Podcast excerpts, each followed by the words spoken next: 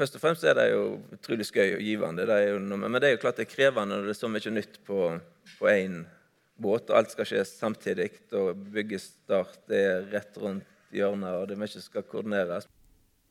Stemmen du hører her, tilhører Egil Sandvik. Han er skipsdesigner og styreleder i Salt Ship Design. Han snakker om nye Libas, en fiskebåt som skal bli fullspekket med ny teknologi. Dette er Tekfisk, podkasten om teknologi og forskning i sjømatnæringen. Jeg heter Camilla Odland, og i denne podkasten er jeg på scenen i Trondheim sammen med Sandvik, en verftsdirektør og to som bygger nye fiskebåter. Temaet er fremtidens båtteknologi, og klirringen du vil høre, er de 150 som sitter i salen og spiser lunsj. Første spørsmål går til Børge Arvesen. Han er daglig leder i Norsild havfiske, og får snart levert en splitter ny kystfiskebåt kalt Nordhavet. Etter han får Geir Larsen ordet. Han er administrerende direktør ved Vard Aukra, som bygger fiskebåter.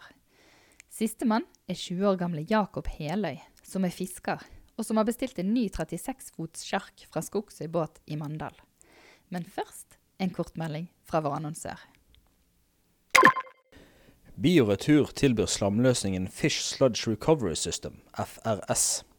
Alle anleggene tilfredsstiller miljøkravene, er modulære og kan tilpasses lokasjon og behov for alle landbaserte oppdrettsanlegg. Bioretur tror at bærekraftige sirkulære løsninger blir stadig viktigere i omdømmearbeidet til fiskeoppdrett. Gå inn på nettsiden bioretur.no for å lese mer.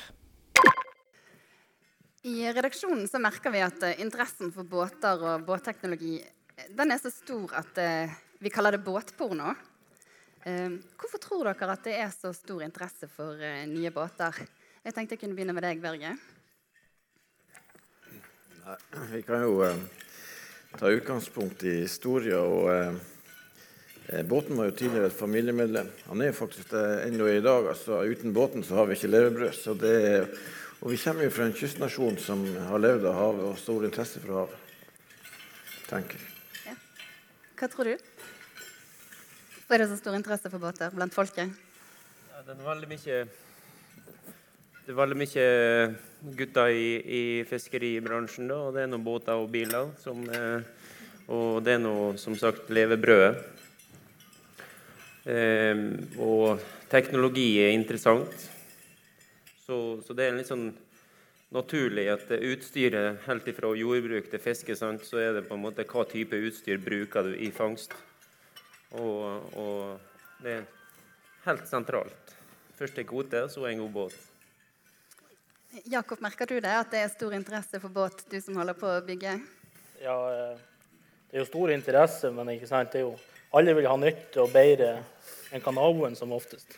Som man har hørt i Libas og alle de andre. Så eh, Nei, men så må du jo utvikle òg. Jo nyere båt du har, jo mer effektiv fiske kan du drive. Tror nå jeg. Og Egil, lar han gå til deg? Jo, jeg tror spesielt i fiskeri der er vi på en måte en stor familie der alle kjenner alle og er på om bord til hvert sine båter. Det er masse aktive redere og så har vært skippere og er skippere.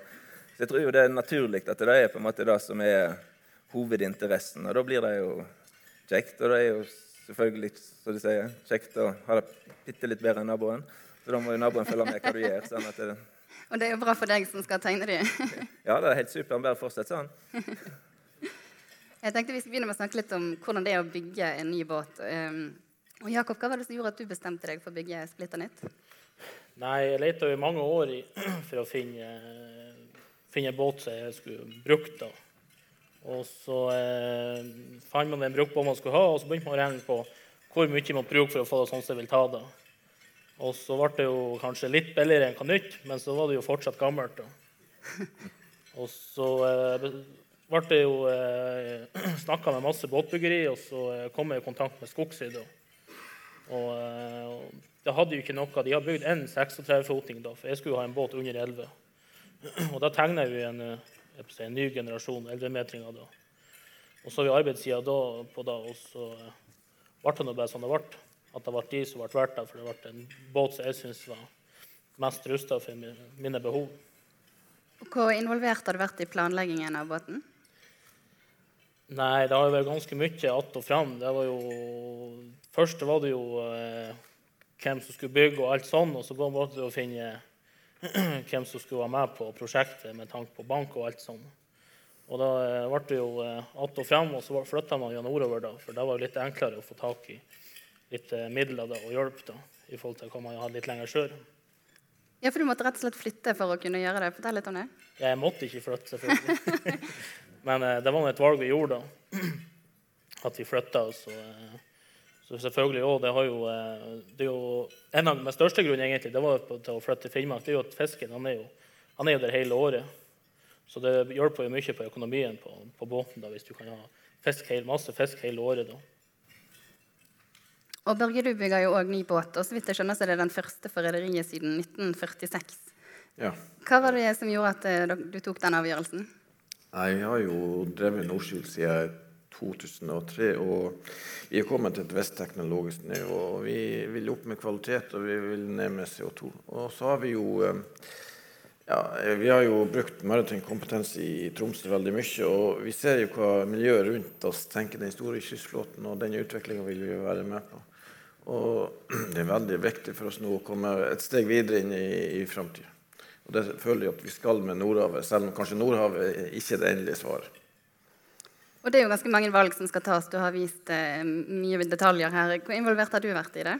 Ja, Vi har vært eh, veldig mye engasjert, og mannskapet har vært veldig mye engasjert. Vi har veldig, hadde en veldig eh, grundig prosess, spesielt mot mannskapet. Så vi føler at de har fått, ut, altså de har fått bygd sin erfaring inn i den nye båten. da kan si. Og Egil, du sa jo det at Dere har jo et tett samarbeid med rederne som er med på å prege båtene. Kan du si litt mer om hvordan dere samarbeider med dem? Dere reiser land og strand rundt og prater med dem, skjønner jeg? Det blir jo ofte sånn som jeg sier at altså, Hvert rederi har sin filosofi på hvordan de vil ha båter. Og De har jo forskjellig kvotegrunnlag og de har forskjellig økonomi. og forskjellige ting de... Så det er på en måte en sånn helt unik ny prosess hver gang. Så det er jo knakende kjekk å få være med på. For du er jo med å skape noe, og du ser jo rederiene blir fornøyd, og til slutt får båten bygd. Så det er, så det er, det er vanskelig Jeg tror ikke, I mitt hode er det på en måte ikke noe sånn fasit på den prosessen der. Det varierer fra prosjekt til prosjekt. og Det er like kjekt hver gang. Men i andre bransjer så snakker man stadig mer om standardisering og at det vil gjøre ting billigere. Er det noe dere har vurdert? Det er klart, sånn I teorien så skal jo det være, være effektivt. Vi ser jo da på en fiskebåt så er den så fullspekket spekka av utstyr og alt. Så hvis du på en måte ikke gjør alt 100 likt, hvis du skifter hovedmotor for du vil ha litt større eller en annen type, eller noe, så må alle rørsystemene i maskinrommet gjøres om. Så det er hele 3D-modellen. Og så, og så forandrer vekta seg kanskje litt. Og er ikke det skroget optimalt? Da burde det kanskje hatt litt mer oppdrift akter. Og så begynner det å gå på kompromisser med en gang. Så jeg, jeg, tror det er vanskelig å optimalisere båter og basere det på serieproduksjon med likt. Altså det er All ære hvis du får det til, men jeg ser ikke helt for meg at den netto blir knekt. Altså, da blir det ikke så gode båter. Det er jeg 100 sikker på. Men Kan du fortelle litt om prosessen når dere skal planlegge en helt ny båt? Rederen ringer og sier eh, vi har bestemt oss. Hva begynner dere med? Hva er de første tankene? Som regel så jo, har jo rederiene en sånn idé på lastekapasitet og størrelse båt og motorkraft, som er på en måte laga et utkast til. For det er veldig vanskelig liksom, å begynne å diskutere i detalj før du har noe å gå ut ifra. Så det blir ofte lagt en sånn grovskisse. Og den er av og til på, på AutoCAD. Og av og til vi har vi store, gammeldags tavler på kontoret, så vi har flinke frihåndstegnere som skisser i harde livet for hånd. og det er... Men det er liksom å få hovedparameter, og så går vi jo mer inn i detaljene som sier, på kvotegrunnlag og på hvor de fisker, hva de fisker, og fokus. Og det er... Men det er en sånn det begynner ofte med et sånn grovskisse, og så blir det mer og mer detaljer etter hvert. Og Geir, dere ender opp med å bygge de. Hva vil du si er viktig for en reder å tenke på når han skal vurdere å bygge ny fiskebåt? Du må se på størrelse av en ting som du er bestemt deg for å bygge ny fiskebåt, så skal du se på størrelsen av administrasjonen din. Har du innleid eh, regnskapsbyrå, og du sjøl som reder sitter i huset, og du har mannskap du skal administrere, så skal du gjøre det enkelt for deg sjøl. Men du må samtidig, det vil si at du må ha en tett oppfølging, og så klart en nærhet til verftet. Eh, det er noe, så klart det som markedsfører en bygging i Norge i forhold til språk. Og så, og så oppfordrer jeg jo til det at det er det ungdommen her er jo som bygger, bygger fiskebåter. Vi har Orten Fiskeriselskap som bygger en 15-metring. I, stedet at Det må være verdens største 15-metring. Han er nå 16-17 meter høy. Um, så, så, det er bare alt blir, alt blir større. Men det jeg sier til deg, det er at du må tenke på at det skal være teknisk enkelt og skal vare i mange, mange år. De som begynner med ny fiskebåt og har fått finansiering, de skal ikke skrue og prakke. Så det er helt rett beslutning. Ny båt, varer i mange år. Han skal fokusere på fiske. Sant? Er du et større selskap, tjukk i penger, masse kvoter, konsesjoner, da kan du innovere.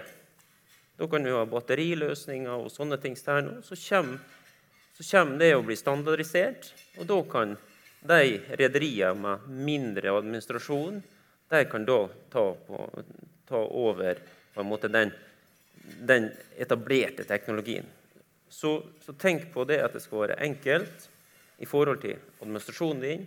Tett oppfølging, ikke noe overraskelse når du skal ta over båten. Tett oppfølging og ikke minst god kommunikasjon med verftet. Ikke glem verftet når du er i designfase. Du nikker her, Børge. Det høres dette kjent ut? Ja, det høres kjent ut. Og det er klart vi må se på hvor mange folk vi har i ressursene sine i administrasjon. Og tross alt så lever vi og fisker. Og Flere av dere har nevnt batteriet. Egil, merker du en endring i måten rederne tenker på når de skal bygge båt nå, sammenlignet med for noen år siden? Ja, da, da på batteri merker du jo egentlig noe veldig fort. Mer med, det, er jo, det er jo ganske nytt at det er brukt. Det er jo begynt på supply-båter. Det er jo de første eller offshorebåter som har vært utstrakt. Og får mer og mer tall på hva de tjener på det. Så går jo det inn som en, en, en bit av det totalregnskapet regnskapet. Enten at du går helt ut og, og tar hele batteripakken, eller at du i planleggingsfasen i legger til rette at du kan installere det på et senere punkt. Det er jo en mye mindre investering som gjør det klart til det. Og klart, hvis du bygger en båt nå med levering av to år, så kan det godt hende at batterien er halve prisen om to år. Eller, så, så, det er jo uansett lurt å legge til rette for det, da, vil jeg si. Men det, det, skal, det er helt rett som de sier, det, det må jo passe med budsjettene. Selv om du kan regne det hjem på, på sikt, så skal du ha finansiering til å kontrahere òg, ikke bare til å gå langt. Så det blir en helhet. Men vi, vi merker en, helt klart en genuin altså det har gått litt, sånn, Den miljøvennligheten mener jeg har gått litt ifra et sånt litt image-perspektiv til å være en genuin interesse fra fiskebåtrederne. At her har vi virkelig lyst til å være med og ta i tak hvis, hvis det er mulig. Og det er klart Alle rederiene er avhengig av å tjene penger. Så hvis ikke det kan forsvares, så, så der er de viktige myndighetene med å legge til at det òg er forsvarlig i drift på sikt. Var det noe du tenkte på, Jakob, å få en klimavennlig båt? En gang til. Var det noe du tenkte på å få en miljøvennlig båt når du skal bygge? Ja, det var jo i tanken, selvfølgelig. Men uh, små uh, kystbåter får ikke så mye tilskudd og hjelp som de største båtene ennå. Så Derfor ble jeg uh, diesel. da. Men har det vært så har det sikkert vært mer miljøvennlig med tanke på elektrisk. Ja, og Du måtte droppe batteriet, Børge. Kan du fortelle litt? Hva tenkte du da? Ja, Vi var jo veldig opptatt av batteri, men det er klart eh, vi har et begrenset volum å putte batteri i. så vi prioriterte jo lastekapasitet. Og vi, vi ville heller ikke ha plass til det utvida tavla i maskinrommet. Så eh, vi valgte å gå over ifra egentlig det som Eh, man kan tenke om som er framtida til å gjøre det enkelt, rett og slett. Konvensjonell teknologi som skal funke og enkel å drive rundt. Men Du nevnte lavere CO2-utslipp. Så har eh, klimavennlighet vært noe verdt? Ja, det, det, er viktig for oss. Og det ser du bl.a. i det økte lasteromsvolumet eh, vårt. Og der er vi jo veldig fornøyd med Per Sandberg at han endelig kom til en konklusjon at vi fikk et reelt lasteromsvolum. Det var veldig viktig for oss. Det er veldig viktig for miljøet, og det er veldig viktig for oss. Og det, du kan si det er viktig på pelagisk, og det er viktig også på levende fisk. Og også når vi skal føre kasser og kar med is, is av fisk. Altså. Og, og Jakob, nå når du skal ha en helt splitter ny båt, hva har vært viktig for deg? Hva var det første du tenkte på når du planla båten din? Nei, det er jo eh, størrelse, også komfort, og selvfølgelig lasteromskapasiteter på en så liten båt. For det er jo, eh, det er jo så stor lastekapasitet at man, eh, man kan jo ha fisken i containere. Ja, liksom, som før på sjarkene og nå, så hvis man får mye fisk, så må man jo bare hive det løst i rommet. Men sånn nå så kan jo ha alt i containere. Det blir mye bedre kvalitet og raskere levering. da selvfølgelig. Og du da, Hva har vært viktig for deg, Kan være med. Ja, Satt og tenkte på noe annet. ja tenkte på Ny båt. Tenkte på båt. Men når du begynte, bestemte deg for å bygge, hva var viktigst for deg å få på plass? Nei, vi, vi har jo ikke bygd ny båt siden 1946, og det er viktig for oss å gjøre et nybygg nå. Og vi har veldig lyst på å, å forme det, kanskje. Også, og eh, så i, i dette rederiet så driver vi jo den store kystflåten, så det var viktig for oss å få en, en båt som er tilpassa denne virksomheten. kanskje. Og Det føler vi at vi vil klare med et nybygg. Og som sagt, I det miljøet som er etablert i Tromsø, så har vi fått veldig mange input som har vært veldig nødvendige i denne fasen, som har gjort at eh, ok, dette er båten for oss. Og Så kaller du det fremtidens fiskebåt. Hvorfor er den det? Ja, Framtidas fiskebåt eh, det er han jo akkurat nå, men eh, det er dette med at vi skal opp kvaliteten og vi skal ned med energiforbruket. Det tilhører framtida, tenker vi. Tror du at det er det som er fremtiden, Egil? Opp kvalitet og ned med Ja, klart det er jo fisken driver med, så kvaliteten på det produktet er jo nummer én Og det vi driver med. Så det er jo helt rett tankegang. Men hvor mye ny teknologi har det gått for om bord på denne båten? Hos oss? Nei, vi må nå virkelig tenke meg om. Nei, det er egentlig, Vi har mye standardteknologi. Det som er det, som er det nye, det er at vi har større volum og kan få en mer fornuftig drift. Altså. Og, og egentlig tyngre utstyr, så at vi, vi kan gjøre ting mer effektivt. Altså. Men så sa du til meg at dere valgte å ikke ha fryseri om bord. Ja, det, det? ville vil vi nok ikke ha plass til. Så eh, den store kystflåten som vi tilhører, det er jo en, en kombinasjon mellom pelagiske fiskeri og hvitfisk. Og vi har jo trønker som går helt opp til øverste dekk, og de begrenser plassen vår. Så når vi valgte å gå, uh, forlenge oss i forhold til Gunnar K. og Sander André, som har 72 kvadratmeter å gjøre på for å prosessere fisk, så klarte vi å få inn 20 nye kvadratmeter. Og det har vært essensielt for oss for å få denne fleksibiliteten og flyten i fabrikken. Og få inn ismaskin kan si, som skal gi oss muligheten å konservere fisken og holde den eh, frisk lenger, kanskje. Mest mulig kubikk på meterbåt. Ja, egentlig. Og det er derfor de blir høyere og høyere. Og Men eh, hva er du mest spent på med den nye båten? når du nå kan Nei, det er egentlig sjøegenskapene. Eh, vi vet jo at Sander André og Gunnar K er blitt veldig gode sjøbåter, og vi håper at vi skal få en enda litt bedre båt enn det. Og, vi, vi blir jo eh, altså, Hvis du ser på de pelagiske ressursene som silda nå, så er jo, det er jo en sånn litt sånn uavklart situasjon om hun kommer inn i fjordene eller må stille seg ut på 150 miler. Du kan se en båt som Norskild på 27 meter. Det er ikke bare for et mannskap å gå ut på 150 miler for å høste, eh, høste silderessursen i grov sjø. Altså. Så vi får, vi får en mer brukelig båt både mot Etsjøya, mot eh, Svalbard, mot Bjørnøya, mot 150 mil og mot kysten. kanskje. Og jeg tror fiskeindustrien skal bli veldig fornøyd med det vi kommer på land med. Og Jakob, hva er du mest spent på med din nå når den blir ferdig til slutt? Nei, det blir jo at du blir litt mer egenrådig enn fra vi er nå. Du har jo alt av fasiliteter med frysere og vaskemaskiner og alt som om man hadde gått på en velferd, så snart, det er snart ikke velferd igjen, egentlig. Og det samme med at, eh, som han sa, jeg er litt spent på hvordan det blir i skyegenskaper. Men det er jo bygd den der ene sitte kapella, da. Og den er jo vært veldig, veldig god i havet, da. Og så det er jo samme, altså det lengste vi går ut, det er på Blåkveita. da, Så det kan jo, være helt, kan jo bli mange mil fra land. da. Så det er vi mest spent på. Og så tenkte jeg vi skulle snakke litt mer om nye Libas som fikk pris i går. Den ble helt unik.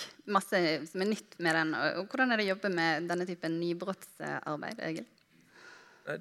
Det er jo Først og fremst er det jo utrolig skøy og givende. Det jo men det er jo klart det er krevende når det er så mye nytt på én båt. og Alt skal skje samtidig. og Byggestart er rett rundt hjørnet, og det mye skal koordineres. Men jeg tror jo det, det er det som driver oss videre når det er, vi har rederi som på en måte våger å ta sånne store steg og sette oss som konsulenter og verftsunderleverandører under press. Jeg tror jo det er den måten innovasjonen går raskest på.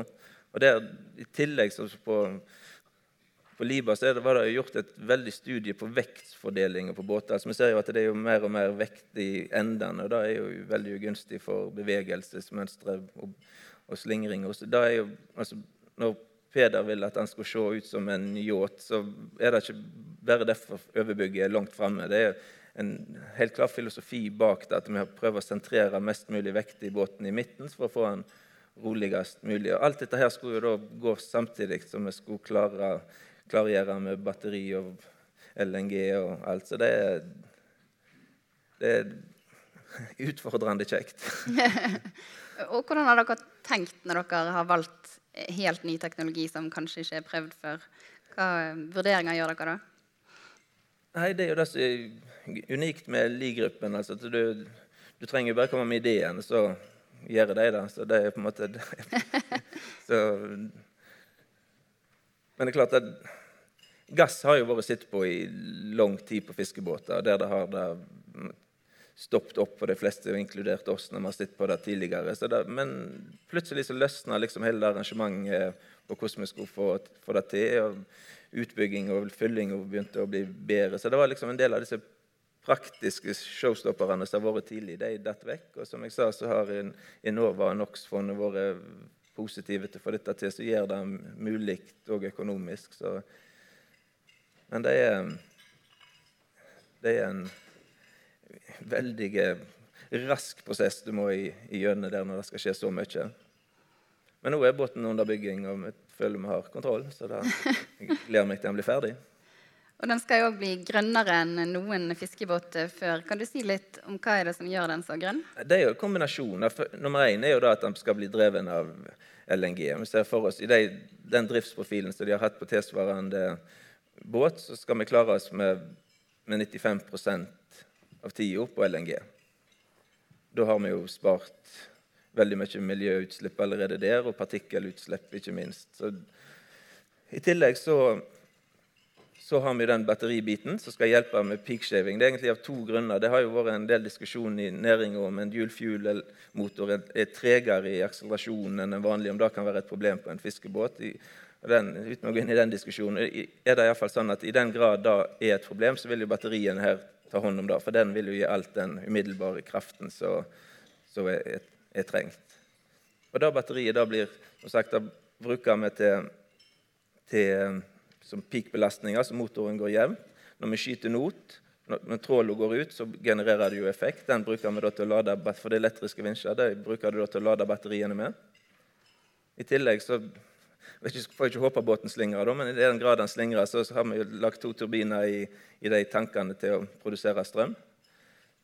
Så det er klart Når han ligger til kai, så ligger du, med, ligger du på batteri. Og han har en kjele som går på LNG, så du skal ikke bruke diesel når du ligger i, i havn eller ute. Så det, det total- og, og gjenvinningsanlegget er så det, Jeg vil påstå at det er tatt de tiltakene som er kjent og til dels ukjent for å gjøre denne båten så miljøvennlig som mulig. Så det er virkelig lagt et stort jobb i for rederiet til, til, å lage et miljøskip. Det fortjener de respekt for. Kommer det flere sånne båter fremover, tror du? Det tror jeg. Jeg tror ikke det behøver gå så veldig lang tid heller. Eh, og så tenkte Vi skulle snakke litt om å bygge i Norge, for det er jo du som utruster skip her, eh, opptatt av, Geir. Hvorfor er det viktig? Det er noe det, det, å, det, å, ha et lokalt verft og bygge i Norge, det er noe, det er noe en, eh, enklest mulig for en reder som, som eh, ja, vil, vil, ha god oppfølging og god kommunikasjon. Så er det så klart at det, de aller fleste skrogene som, som, kommer ut, de kommer fra utlandet og det vi kaller eh, lavere kostland. Og det, det er ikke lett å ta tilbake stålproduksjonen Eh, eller skrogproduksjonen, i Norge. Vi har begynt med det. Vi har en fantastisk hall ute på Vardaukra. Men så klart at språket de snakker, de som sveiser, det er som regel polsk eller uh, litauisk. Så, så du, du, transporterer noe der. Det, men, men, det er et, et, et, et, signal til bransjen om at, at, at vi, skal, vi, skal, ta vare på verftsbransjen på den måten det har skapt det maritime clusteret. Det er, er historier fra Aukra. Det er at Knut og Ottar Huse, storebrødre til Paul Obert. Og de sponsa utdannelsen hans som teknisk ingeniør på nå NTNU og i Bergen. Og i 1948 så knytter han spett og spade og hakke på sykkelen. Og så sykla han i Nærbøvågen. Så begynte han på veien ned til Vardaukra. Og I 1949 så etablerte han og fiskebrødrene Aukra bruk. Det er en helt fantastisk gründerhistorie. Og uten skipsverfta så, så, må du reise veldig langt. Du ser de som ikke har verfta og den maritime clusteret, de, de, må reise veldig langt for å nå tak i det miljøet. Så fiskeri skaper store virkninger, ringvirkninger. Og fiskeren og fiskemottakene og verfta og underleverandørene skaper store ringvirkninger. Man må alltid ta det i betraktning. Fordi det vil òg skape nyskapninger som skjer. I, i F.eks. i Salt sitt, eh, sitt, eh, sitt, eh, design her, og i mange andre design, det er at en ser på den totaliteten. Du må tilpasse driftsprofilen din til framdriftssystemet. Så det er ganske lei av konsulenter eller, eller designere som på en måte tar her ikke tru på. Man kan ikke sette seg ned og regne på det i henhold til driftsprofilen sin. Og det er det òg både vi og Salt nå gjør som, som, er, som er, viktig. At legg fram for rederen. Her er beregningene, her er driftsprofilen din, og så ser du på en måte hvor mye du sparer. Ikke, ikke, ikke sable ned ting en ikke har tro på. Man dokumenterer da om en ikke har tro på det. Så Verftsbransjen er viktig, det maritime clusteret er viktig for fiskeren. Og Jakob, du har jo valgt å bygge her i Norge. Har det vært viktig for deg? Ja, det har vært veldig viktig pga. at det ikke er så langt å reise. da. Også at, eh, at, du har, eh, at, det, at, du har, den garantien, holdt på å si. Skulle, det var jo en tanke at du skulle bygge Tyrkia òg. Men eh, når det er så smått, holdt på å si, så er det veldig vanskelig å komme tilbake på det hvis det blir noe tull med, med byg, etter bygginga. F.eks. etter ettårskontroll eller noe sånt. Også i, også gjør det på skogsider, så hvis det, de har veldig lite da, så tar man den ettårskontrollen på et, et verksted. holdt på å si, Reis deg kanskje et par stykker nordover, og så tar de det på det nærmeste verftet du eh, bor med. Så det, det er så bare... Og da tenkte jeg skulle snakke litt om den overgangen noen av dere har vært gjennom eh, fra offshore til omstilling til fiskebåter. Eh, og, og Egil, dere startet jo opp midt i offshoreboomen. Mm. Og designet bare offshorebåter. Og så var det full stopp i 2014. Eh, og hva gjorde dere da? Nei, så Vi hadde jo en strategi og en plan helt ifra vi begynte. så Det er jo på en måte fiskeri og, som ligger veldig nærmt til, til, mange av oss. Så vi hadde jo en plan at vi skulle inn på fiskeri så fort som mulig. Men, men det ble lite arbeid. Vi begynte jo med noen prosjekt, men det, det var på en måte både verftene som Gunnar sier, var jo fullbooka med offshoreprosjekt. og Prisene var høye både på utstyr og alt, så det var jo heller ikke på en måte retta tida for fiskebåtrederne å kontrahere. Så, så, heldigvis var jo strategien der. Så når, da, når oktober 14 kom, og det var på en måte helt bråstopp, så var det ikke sånn at det var da vi tok frem tegningene og begynte å tegne fiskebåter. Da hadde vi jo fått jobba med det en god stund. Og heldigvis var vi kommet relativt langt. Da ble det lettere for rederne å få kapasitet på verftet, og de fikk motorer med leveringstid. Så, men vi var jo heldige at det kom såpass mange fiskebåter da ganske raskt. Og i tillegg til brønnbåt og akva. Og så hadde vi jo kommet oss godt inn på dette med vind og kabel. Så det, det var en ekstremt brå overgang. Vi, men han internt så skjedde han litt mer glidende enn det som kan virke eksternt. Så vi hadde jo jobba oss opp. Så, så arbeidsmessig så har vi på en måte økt staben hele tida. Vi kom ikke noe problem med arbeid, men det var en ny type arbeid. Men sånn, for oss som jobber med spesialprosjekt, så er det ikke så stor forskjell heller. Det er på en måte å sy dem sammen som er jobben vår. Så. Og det er jo rett, bare kommentar til, altså klart For vår del som konsulent også, så er det jo stor fordel hvis båtene blir bygd i Norge. Det gjør det enklere for oss, og det blir lett tettere oppfølging. Så Det er jo ikke det, er jo ikke det at ikke vi som konsulent eller rederi ønsker å bygge i Norge. Men det, det er to hovedgrunner. Den ene er jo selvfølgelig den, den, eh, markedet som råder, hva priser og hva rederiene vekter da. Det andre er jo at de fleste verft som var, de har jo bestemt seg for å designe alle båter sjøl, og de vil jo, ikke, vil jo ikke bygge saltbåt, om det er Ulstein eller Vard eller Havgjerd eller noe. Og klart Vi kan ikke si opp alle folkene våre pga. verftene vil designe båter sjøl, så da må jo vi finne verft som ønsker å bygge saltbåter. Så det virker litt begge veier der. så ikke kun vi som drar ting ut av utlandet. Så vi skulle gjerne samarbeide mer med både Verd og andre med. Hva sier du til deg? Ja, Invitasjonen eh, står klar. den. De hadde noe dialog, men jeg hørte ikke mer. Vi designer båter sjøl, og vi har andre design. Sikon og, og, eh, og eh, Tomra design og Solstrand Trading. Så det, det er med det er, I hvert fall hos Vard Aukra så er det velkommen. Men dere har også vært gjennom den samme omstillingen fra oljebåter til fiskebåter. Hvordan har den vært for Vard? Det, jeg vil si at Omstillinga det, det, var bare en pause. Det var sånn som, som eh, Så det var en pause i forhold til at du var fullbooka. Vard Aukra og Langsten. Og uh, husker på at uh, American Empress til Kjell Inge Røkke var bygd på Aukra.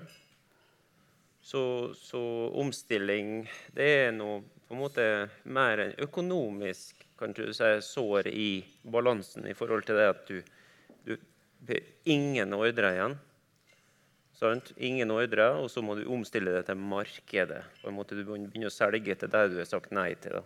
Og så klart, er ikke minst til designerne, som, som kanskje er mer uavhengig. og, og jeg tror det, det, det, skal ikke herske noe sånn mistillitsforhold heller i, til, til, mellom designer og verft. Og, men det blir nå klart en kniving og en konkurranse. sånn sett. Men omstillinga har vært knalltøff økonomisk, som det ser. Og på de verftene som, som har lidd av og både solgt båter som er, egentlig står på lager da, og i opplag. Så det økonomiske har vært omstillinga tøffest. Jeg skjønner. Men er det stor forskjell på å bygge en offshorebåt og en fiskebåt? Er det, tenker dere veldig annerledes?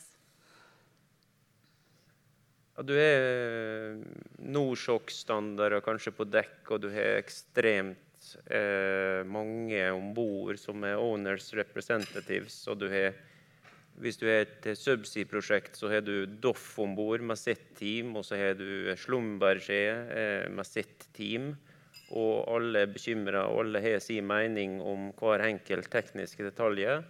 Så så klart det at det, det, er en helt annen oppfølgingsstrategi enn når brødrene Orten kommer innom oss og, og ser innom båten og, og, påpeker det de ser, i forhold til at det er 14 mann fra Doff, f.eks. Så, så, så, så klart, men, det, men på offshore så må de ha det, fordi at de har veldig krevende struktur fra sin kunde, som, som, som er et subsea-selskap. Da. da ser jeg at eh, tiden begynner å løpe fra, så jeg har fått inn noen spørsmål på SMS som dere har hatt muligheten til å sende. Eh, og Den ene går til deg, Børge. Eh, er det utfordringer knyttet til papirer for mannskapet når dere nå sprenger grensene for maskinkraft og tonnasje? Er det en som lurer på? Ja da, det er jo det. Vi kommer jo inn, inn under ISM-koden, og det er helt andre krav til rederi, organisasjon og drift om bord. Det vil gi oss utfordringer. Hvordan løser dere det? Nei, Det er jo mye strengere krav til alt. Drifta og oppfølging og dokumentasjon. Og, så vi er jo begynt på ISM-koden, og det er et ganske stort arbeid. Og så skal det jo etterleves i praksis. Du får jo revisjoner osv. Og jeg tror, eh, Vi har jo tenkt mye på det, men jeg tror faktisk ikke politikerne har tatt inn over seg hvor komplisert det er å drive en fiskeribåtorganisasjon i dag. Altså. Men jeg hørte andre her, eh, de var inne på et poeng. Jeg må få lov å ta det. altså Dette å få lov å bygge og virke i Norge med oppegående verft er utrolig viktig. Altså, hvis vi skal flagge ut alt altså, og ikke ha noe kompetente miljø å lene oss på, det blir galt på lang sikt. Altså. Det må vi ta inn over oss. Hvor stor er batteripakken på Hardhaus og Libas eh, når det gjelder effekt? Er det noen som lurer på? Den er på 500 kWt. Og så er det et sånt C3-batteri, så han, måte, han, kan gi 1500 kW i 20 minutter eller 500 i en time. Og da er 1500 begge veier, både på lading og vel. Så med fem, rett svar på spørsmålet 500 kWt. Ok, Da fikk dere den som hadde sendt det inn. Og da sier jeg tusen takk til alle dere som har vært med her, og dere som har vært med i salen. Så kommer Øystein med en liten oppmerksomhet til de som eh, sitter i sofaen. Og så sender vi blomster i ettertid, sånn at de slipper å gå rundt med blomster på messen. Tusen takk skal dere ha.